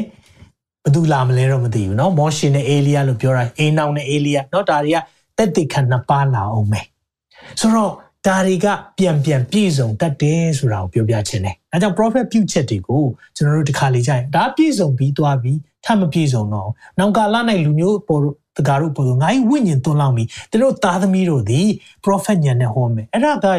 ပြီးသွားပြီလေတမန်တော်နှစ်သုံးပါခုခေတ်မရှိတော့ဘူးကြားဘူးလိမ့်မယ်လုံးဝမှားတယ် double meaning ရှိတယ်အမြဲတမ်းနော်နောင်ကာလနောက်ဆုံးသောကာလ in the last day နော်တကယ်ကိုနောက်ဆုံးသောကာလအချိန်မှာဝိညာဉ်တော်အလုံးလုံးတယ်ဒါကြောင့်ကျွန်တော်တို့တွေလူငယ်တွေဒီချိန်မှာထပြီးနှုတ်ကပတ်တော်ဟောကြားတာတခြားကြောင့်မဟုတ်ဘူးဖခင်ရဲ့တန်ရှင်သောဝိညာဉ်တော်ဗိသိက်လို့ဖြစ်တယ်ဟာလေလုယာနားလည်ဖို့ဘုရားခင်မဆပါစေဆိုတော့ဒီမှာ ဆက်ကြည့်အောင်။နောက်ဆိုတော့ထွက်မြောက်ပါဂျန်နေမှာဒါကြောင့်မလို့ဖာရောမင်းကိုပြောလိုက်ပါတဲ့အေးဒီလာဒီငါသားဖြစ်တယ်ငါသားဦးဖြစ်တယ်တဲ့ငွေ20နှစ်မှာကြည့်အောင်နော်။ဆိုတော့ထွက်မြောက်ပါလေးထဲမှာငါသားဖြစ်တယ်ငါသားဦးဖြစ်တယ်။ဒါဆိုရောယောအာဟောရှိပြောထားတဲ့အရာတကယ်တော့တခြားမဟုတ်ဘူးပြီးခဲ့တဲ့အကြောင်းပြောပြီးသား။ဒါပေမဲ့မသေးရပါပြန်ပြောတာလေ။ဒီအရာထပ်ပြီးပြည့်စုံသွားတယ်လို့ပြောတာဖြစ်တယ်။အာမင်။နံပါတ်3ချက်နောက်ဆုံးချက်သွားရအောင်နော်။ ဒီချက်ကပါလဲဆိုတော့ယောသတ်ထံကနေရတဲ့သင်ခန်းစာနောက်ဆုံးတစ်ခုကပါလဲဆိုတော့အပြောထက်အလုံးနဲ့တက်တည်ပြတယ်အပြောထက်အလုံးနဲ့တက်တည်ပြတယ် action speaks louder than words တခါလေမှကျွန်တော်တို့တွေကစကားအရန်ပြောတယ်ဒါပေမဲ့လုပ်တာအရန်နေတယ်ဖြစ်တတ်တယ်အဲကြောင့်ကျွန်တော်တို့လုပ်တာမြင်များလုပ်ရအောင်အပြောတွေချောရအောင်အဘလို့လုပ်မယ်လေအရန်ကြည့်ဘာလို့ဝင်းခံတာဝင်းခံတာကြွေးကြော်တာယေရှုနာမနဲ့တိမ့်ပိုက်တာဟလား အဲ့ဒီသိမ့်ပိုက်တဲ့ဖွဲ့လေတခါလေးဘာတွေသိမ့်ပိုက်မှမသိဘူးလိုချင်တဲ့အရာမျက်စိမြင်တဲ့အရာအကုန်သိမ့်ပိုက်နေလို့ဒုက္ခရောက်နေတယ်နော်ဆိုတော့ဒါယုံကြည်ခြင်းနဲ့သိမ့်ပိုက်တာနည်းဘလောက်သိမ့်ပိုက်သိမ့်ပိုက်ပါတကယ်တော့ဖခင်ကဂတိတော်မြေပေးထားပြီးသားယေရခေါမြို့ဒီတိုင်းမရပါဘူးတိုက်ယူရတယ်ယေရခေါမြို့ပြီးတောက်လျှောက်နော်မင်းမင်းပေါင်း30ကျော်အားလုံးကိုတောက်လျှောက် ယောရှုရဲ့လက်ထက်မှာတိုက်ယူရတယ်ပြောချင်တာပါလေကျွန်တော်သိမ့်ပိုက်ယုံနဲ့မရအောင်ယုံကြည်ခြင်းဆိုတာအကျင့်ပါဖို့လိုတယ်ပြောချင်တာလှုပ်ဆောင်မှုလည်းရှိဖို့လို action လိုတယ် action လိုတယ်သိရတဲ့တာမှာအဲ့ရထဲမှာပဲနေပြီးတော့ဘုရားရှင်ထမင်းကျွေးပါမရအောင်ဘုရားကလေတစ်ခါလေမှကျွန်တော်တို့ကိုလေထားချက်ဖို့ဆန္ဒရှိတယ်လုပ်ရမယ်ကျွန်တော်တို့ဖက်ကလုပ်ရမယ်ဘုရားကစံအိတ်ပို့ပေးလိမ့်မယ်တယောက်ယောက်နဲ့ပို့ပေးလိမ့်မယ်ဒါပေမဲ့အိတ်စံအိတ်ကနေစံဖြစ်ဖို့ကတော့ အဲ့စာနဲ့ထမင်းဖြစ်ဖို့ကတော့လေသင်ချက်ဖို့လိုတယ်ဖျားပိုင်းလူပိုင်းဆိုတာအမြင်ရှိတယ်အဲကျွန်တော်တို့ action နဲ့တွားရအောင်ကျွန်တော်နှုတ်ပတ်တော်မှာဗာပြောလဲဒီမှာကြည့်ရအောင်ကျွန်တော်တို့ body of Christ ဆိုတာခရစ်တော်ရဲ့ကိုကိုလက်အင်္ဂါများဖြစ်တဲ့ခါမှာတဲ့เนาะအဲ့ဒီအကြောင်းလေးနဲ့ကျွန်တော်ခွန်အားပေးခြင်းတယ်တခါလေးမှာယောယောသက်ကဲ့သို့ကျွန်တော်တို့ခံစားရတဲ့သူတွေအများကြီးရှိတယ်ဆိုတော့သူ့ရဲ့အခန်းကဏ္ဍကိုကြည့်တဲ့အခါမှာ तू က protector ကာကွယ်ပေးတဲ့သူဖြစ်နေတာ မာရိတယောက်တည်းဆိုတော်တော်လေးဒုက္ခရောက်လိမ့်မယ်မာရိကစေကျော်သက်ပဲရှိသေးတယ်အဲ့ဒီအချိန်မှာသူကိုယ်တိုင်ကအောင်စေကျော်သက်ဆိုတာကလေးလိုပဲကျွန်တော်သတ်မှတ်သေးတာဟုတ်ကလေးကနောက်ကလေးရမယ့်အချိန်ဆိုတော့သူတို့တော်တော်လေးရုန်းကန်မယ်ဒါပေမဲ့ဖခင်ကလည်း the right person the guest မှန်ကန်တဲ့သူကိုရွေးချယ်ထားပေးပြီးသားယောသက်ကကောင်းကောင်းဆောင်ရှောက်ပေးတယ်ကဲထာရောကလေးကိုအေအေဂုတ်တုတ်ပြီးခေါ်သွားအီဂျစ်ကိုခေါ်သွားခိုင်းတာခေါ်သွားတယ်ကဲထားထားထားပြန်တော့ဒီမှာတတ်မဲ့သူတွေတည်သွားပြီး ပြန်လာတော့အကုန်လုံးသူကလှုပ်ပေးနေတာသူရဲ့အခန်းကဏ္ဍတော့လုံးဝဇက်ဖို့ပဲရှေ့ထွက်ရှေ့ထွက်မင်းသားတော့မဟုတ်ရှေ့ထွက်တရုပ်ဆောင်တော့မဟုတ်အဲ့မဲ့တချို့တွေလေရောတတ်မရှိဘဲနဲ့နော်ဒီဇက်လန်ကြီးကပြည်စုံထုံးနေကောင်းမယ်တင်းရဲ့အခန်းကဏ္ဍမရှိဘဲနဲ့ဖခင်ရဲ့နိုင်ငံတော်မပြည်စုံဘူးဒါမဲ့တင့်ကိုလူတွေမတွေ့ဘူးသ င်ကရှေ့ထွက်မင်းသမီးမဟုတ်ရှေ့ထွက်မင်းသားမဟုတ်ဘဲနဲ့နောက်ွယ်ကလုံနေရတဲ့သူဆိုကျွန်တော်ခွန်အားပေးခြင်းနဲ့ရောသက်လိုမျိုးလူတွေဖြစ်နေတယ်ဆိုလူတွေရဲ့အတိမတ်ပြုခြင်းနဲ့လူတွေရဲ့ဂျေဇုတင်ပါတယ်လို့ပြောတဲ့အရာသင်တော်ယုံတန်ယုံမကြားရဘူးဆိုရင်သင်ရဲ့အခန်းကဏ္ဍပါမန်းတောင်မသိသလိုဖြစ်နေတယ်ဆိုရင်စိတ်ဓာတ်မကြနဲ့တချို့တွေ give up လုပ်ချင်တယ်ဘုရားပြောနေတယ်လုံးဝစိတ်ဓာတ်မကြနဲ့ငါတွေ့တယ်ဖခင်အားလုံးမြင်တယ်တင်းရဲ့ကဏ္ဍ supporting role เนาะဇပ်ပို့ဖြစ်ကောင်းဖြစ်လိမ့်မယ် ဘဘေးကနေပဲတစ်ချိန်လုံးပတ်ပိုးနေရကောင်ဖြစ်လိမ့်မယ်ဒါပေမဲ့အဲ့ဒီသူလည်းလိုအပ်တယ်နိုင်ငံတော်ထဲမှာစံစာပါပြောလဲဒီຢာလေးနဲ့ခွန်အားပေးခြင်းနဲ့ယခုတွင်အင်းအင်္ဂါအများရှိလက်ကိုတစ်ခုတည်းရှိဟုတ်တယ်နော်ကျွန်တော်ကိုခန္ဓာတစ်ခုတည်းပဲဒါပေမဲ့အင်္ဂါတွေအများကြီးရှိနေတယ်မျက်စိကလည်းတင့်ကိုငါအလိုမရှိဘူးလက်ကိုမဆိုရထိုနည်းတူဥကောင်းကတင်းတို့တင်တို့ကိုငါလိုမရှိဘူးခြေတို့ကိုမဆိုရပြောလို့မရဘူးခေါင်းကလည်းခြေမလို့မျက်စိကလည်းလက်ကိုမလို့ ထိုမြမကအားနှဲဟန်ရှိသောအင်္ဂါတို့သည်တာ၍အတုံးဝင်ကြ၏အသေးနှဲဟန်ရှိသောအင်္ဂါတို့သည်တာ၍အားကြီးသောအသေးကိုပေးတိုက်တင့်တယ်ခြင်းမရှိသောအင်္ဂါတို့သည်တာ၍ကြီးသောတင့်တယ်ခြင်းကိုခံရတယ်ပြောပြမယ်နော်ခုနကတော့ကျွန်တော် comment ထဲမှာတွေ့လိုက်တယ်နော်အတန်အဆင်ပြေလားဆိုအတန်လည်းအဆင်ပြေတယ်ရုပ်လည်းအဆင်ပြေတယ်နော်ဘာလို့ဆိုရုပ်ဆိုရင်လူတွေကမြင်တာဒါပေမဲ့ကျွန်တော်လေလူတွေတခါမှလာမချီးကျူးဘူးလားဆရာဆရာရဲ့ ကြောက်ကကြီးကအရန်လှတယ်တခါမပြောဘူးဆရာကြီးဆရာရဲ့အထက်ကနော်အစာအိမ်ကအရန်အစ်မပြောဘူးတခါမှဒါပေမဲ့လေကျွန်တော်မျက်စိမရှိပဲအသက်ရှင်လို့ရတယ်ကျွန်တော်လက်မရှိပဲအသက်ရှင်လို့ရတယ်ဒါပေမဲ့ကျွန်တော်လေကြောက်ကမရှိပဲသက်ရှင်လို့မရအောင်အဲ့ဒါဘာကိုပြောတာလဲအတရေနဲဟန်ရှိရဆိုအထဲကဟာတွေအထဲက engine တွေတကယ်တော့နှလုံးသားမရှိပဲအသက်ရှင်လို့မရဘူးခါမှလေဟာနော်နှလုံးနှလုံးကြီးကအရန်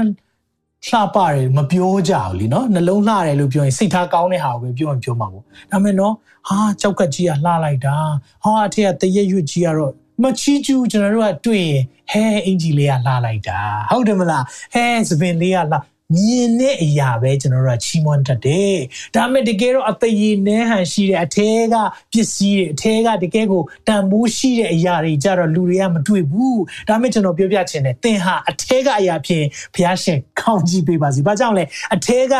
အပစ္စည်းတွေเนาะတကယ်အတွင်းကလေးစားတွေကမှတကယ်အသေးရနဲဟန်ရှိတယ်เนาะဟာကြောက်ကကြီးကင်ပြီးတော့လှလိုက်တာဘယ်သူမှမပြောဘူးဒါတွေကမမြင်လေကောင်းလေလို့ဖြစ်နေတယ်ဒါပေမဲ့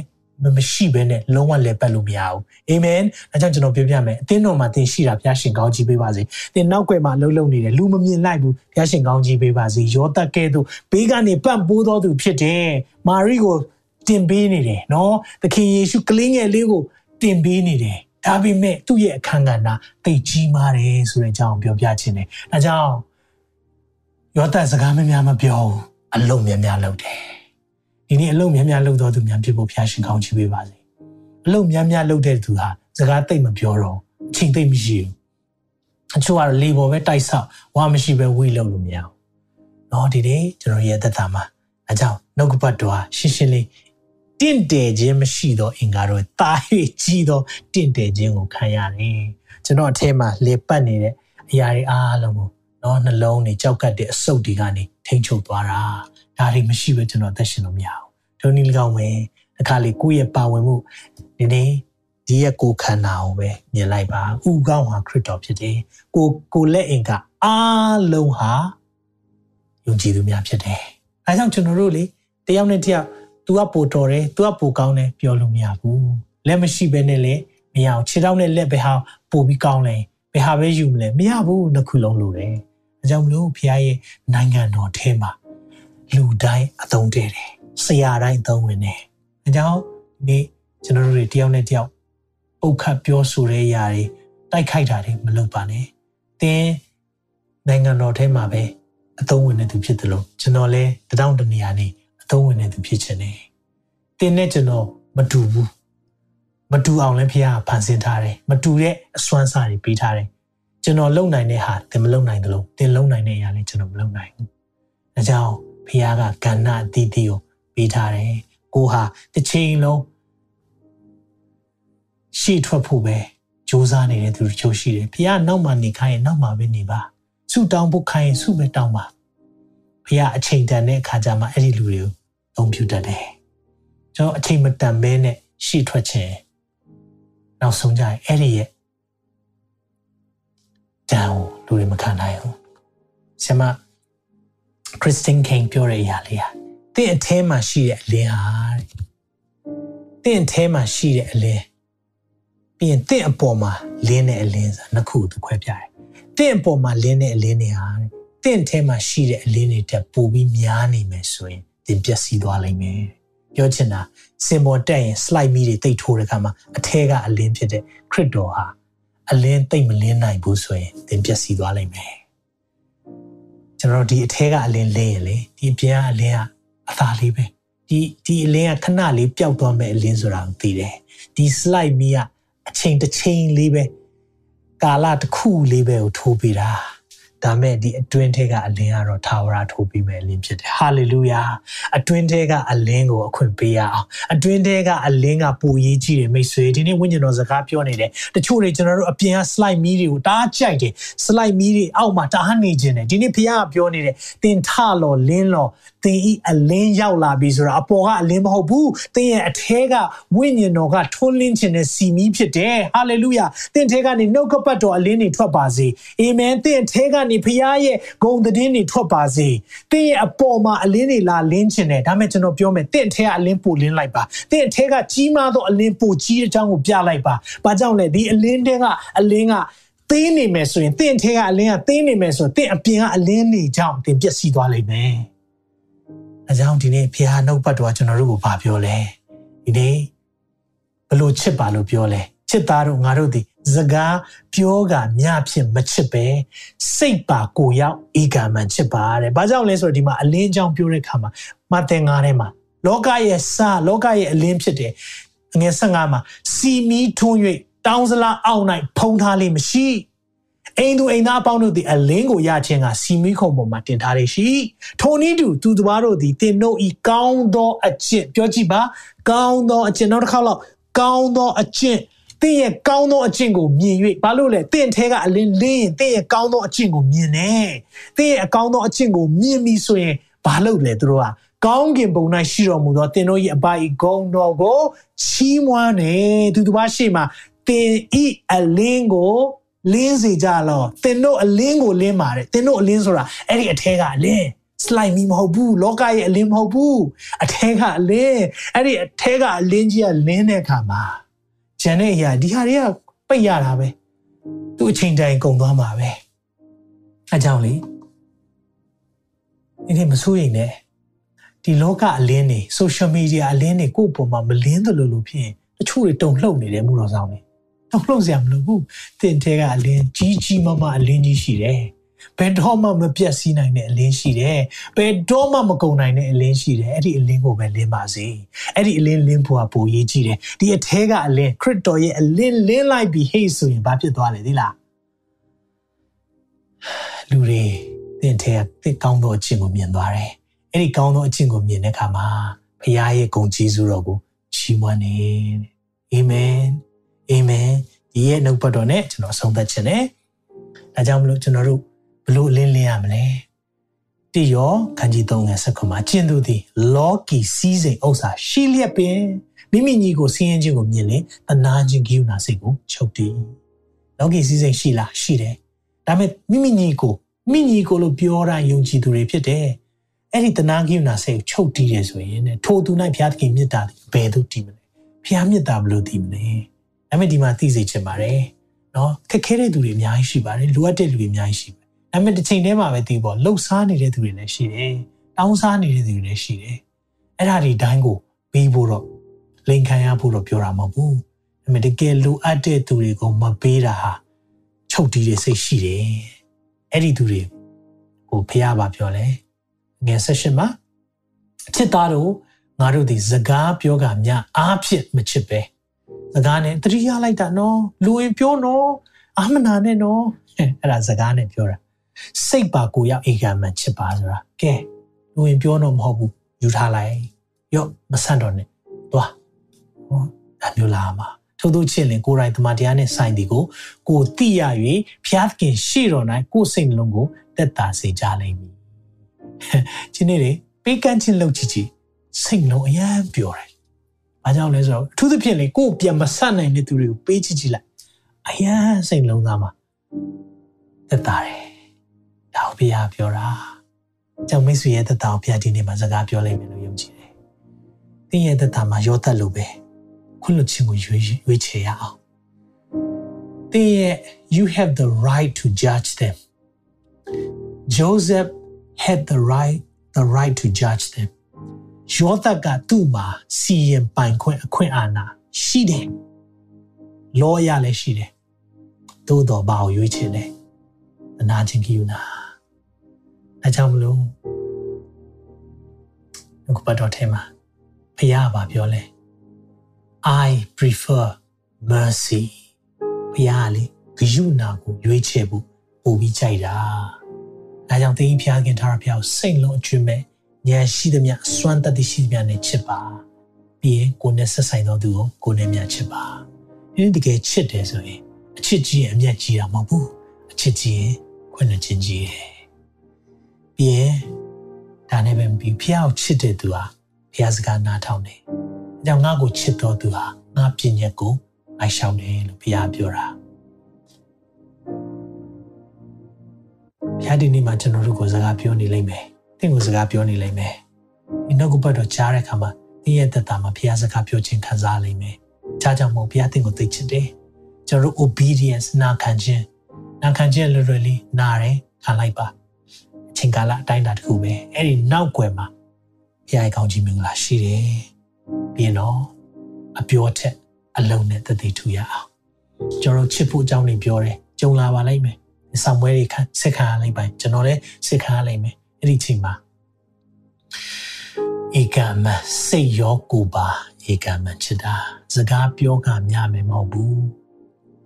စိတ်ရောကိုပါဧကမချစ်တော်သူများဖြစ်ဖို့ဖျားရှင်လို့ရှိတယ်ခဏလောက်စက္ကရအောင်သက်ရှင်သောထာဝရမြတ်စွာဘုရားနာမတော်ချီးမွမ်းနေဂုဏ်တော်ချီးမွမ်းပါ၏ဒီနေ့ညမှာလည်းနှုတ်ပတ်တော်နဲ့ကျွန်တော်တို့ကိုစကားပြောတဲ့အတွက်ကျေးဇူးတင်တယ်နှုတ်ပတ်တော်အရှင်ကိုကျွန်တော်ကြိုးဆိုရဖိတ်ခေါ်တဲ့နေရာပေးတယ်ဒီနေ့ကျွန်တော်နှလုံးသားထဲမှာ ဒီရောသက်အားဖြင့်မြတ်များစွာသင်ခန်းစာရပါတယ်ဒီနေ့တနာချင်းဂိယူနာကိုရွေးချယ်တဲ့အရာကိုရောနှစ်သက်တယ်လူတွေအတွက်ကောင်းကြီးဖြစ်တယ်စီရင်ပိုင်ခွင့်ရှိတယ်ကိုယ့်ဘက်က judge လုပ်ပိုင်ခွင့်ရှိပေမဲ့မလုပ်ဘဲနဲ့တခြားနီလန်ကိုရွေးချယ်တဲ့အရာဒီကိုရောနှစ်သက်တဲ့အရာဖြစ်လို့ကျေးဇူးတင်တယ်ထိုနည်း၎င်းပဲကိုရော ကိုရောစကားပြောတဲ့အရာချက်ချင်းလုပ်တယ်ချက်ချင်းလုပ်တယ်ရောသက်တယ်ထိုနည်း၎င်းပဲကျွန်တော်လည်းကိုရောပြောတဲ့အရာကိုချက်ချင်းလုပ်တော်သူများဖြစ်ချင်တယ်ကိုရောဒါကြောင့်ခွန်အားပေးပါနားလေတဲ့ညံလဲနှုတ်ပတ်တော်အားဖြင့်တည်ရစေပါဝိညာဉ်တော်မာစာပါဒုနည်းလိုပဲအပြောပဲမဟုတ်ပဲနဲ့ကျွန်တော်လက်တွေ့မှာလဲအနေတော်သူများမဖြစ်ချင်ဘူးကိုရောကျွန်တော်မာစာ၍ချစ်ချင်းမြတ်တာပိုင်းမှာအပြောပဲမဟုတ်ပဲနဲ့လက်တွေ့လှုပ်ဆောင်နိုင်ဖို့ရန်အတွက်ဝိညာဉ်တော်ပြန်မာစာပါဝိညာဉ်တော်အသီးဖြစ်တဲ့အတွက်ချစ်ချင်း အာဝိညာဉ်တော်ရဲ့အသီးဖြစ်တဲ့အတွက်ကိုရောကိုယ်တိုင်ကျွန်တော်တို့ကိုလမ်းပြပါကိုရောရဲ့အသီးဖြစ်တဲ့အတွက်ကိုရောကိုယ်တိုင်သီးပေးပါလက်ဝင်တဲ့အနန္တနဲ့တပါးဒီတော်သားရမြေယေရှုနာမ၌စက္ကန့်နဲ့ဆုတောင်းကြပါ၏အာမင်အာမင်ရောက်စီတိုင်းဖျာရှင်ကောင်းကြီးပေးပါစေတင်ခုလိုနာဆင်ခွန်အားနိုင်ခြင်းဟာမြန်မာ Worship Ministry ကိုလာဆင်ပန်ပိုးနေကြတဲ့ Kingdom Partners များအကြောင်းဖြစ်ပါတယ်။ဖျားခင်နိုင်ငံတော်ကျယ်ပြန့်ရေးအတွက်လာဆင်ပေးကမ်းပောင်းဖို့ရန်ဖိတ်ခေါ်လိုပါတယ်ရှင်။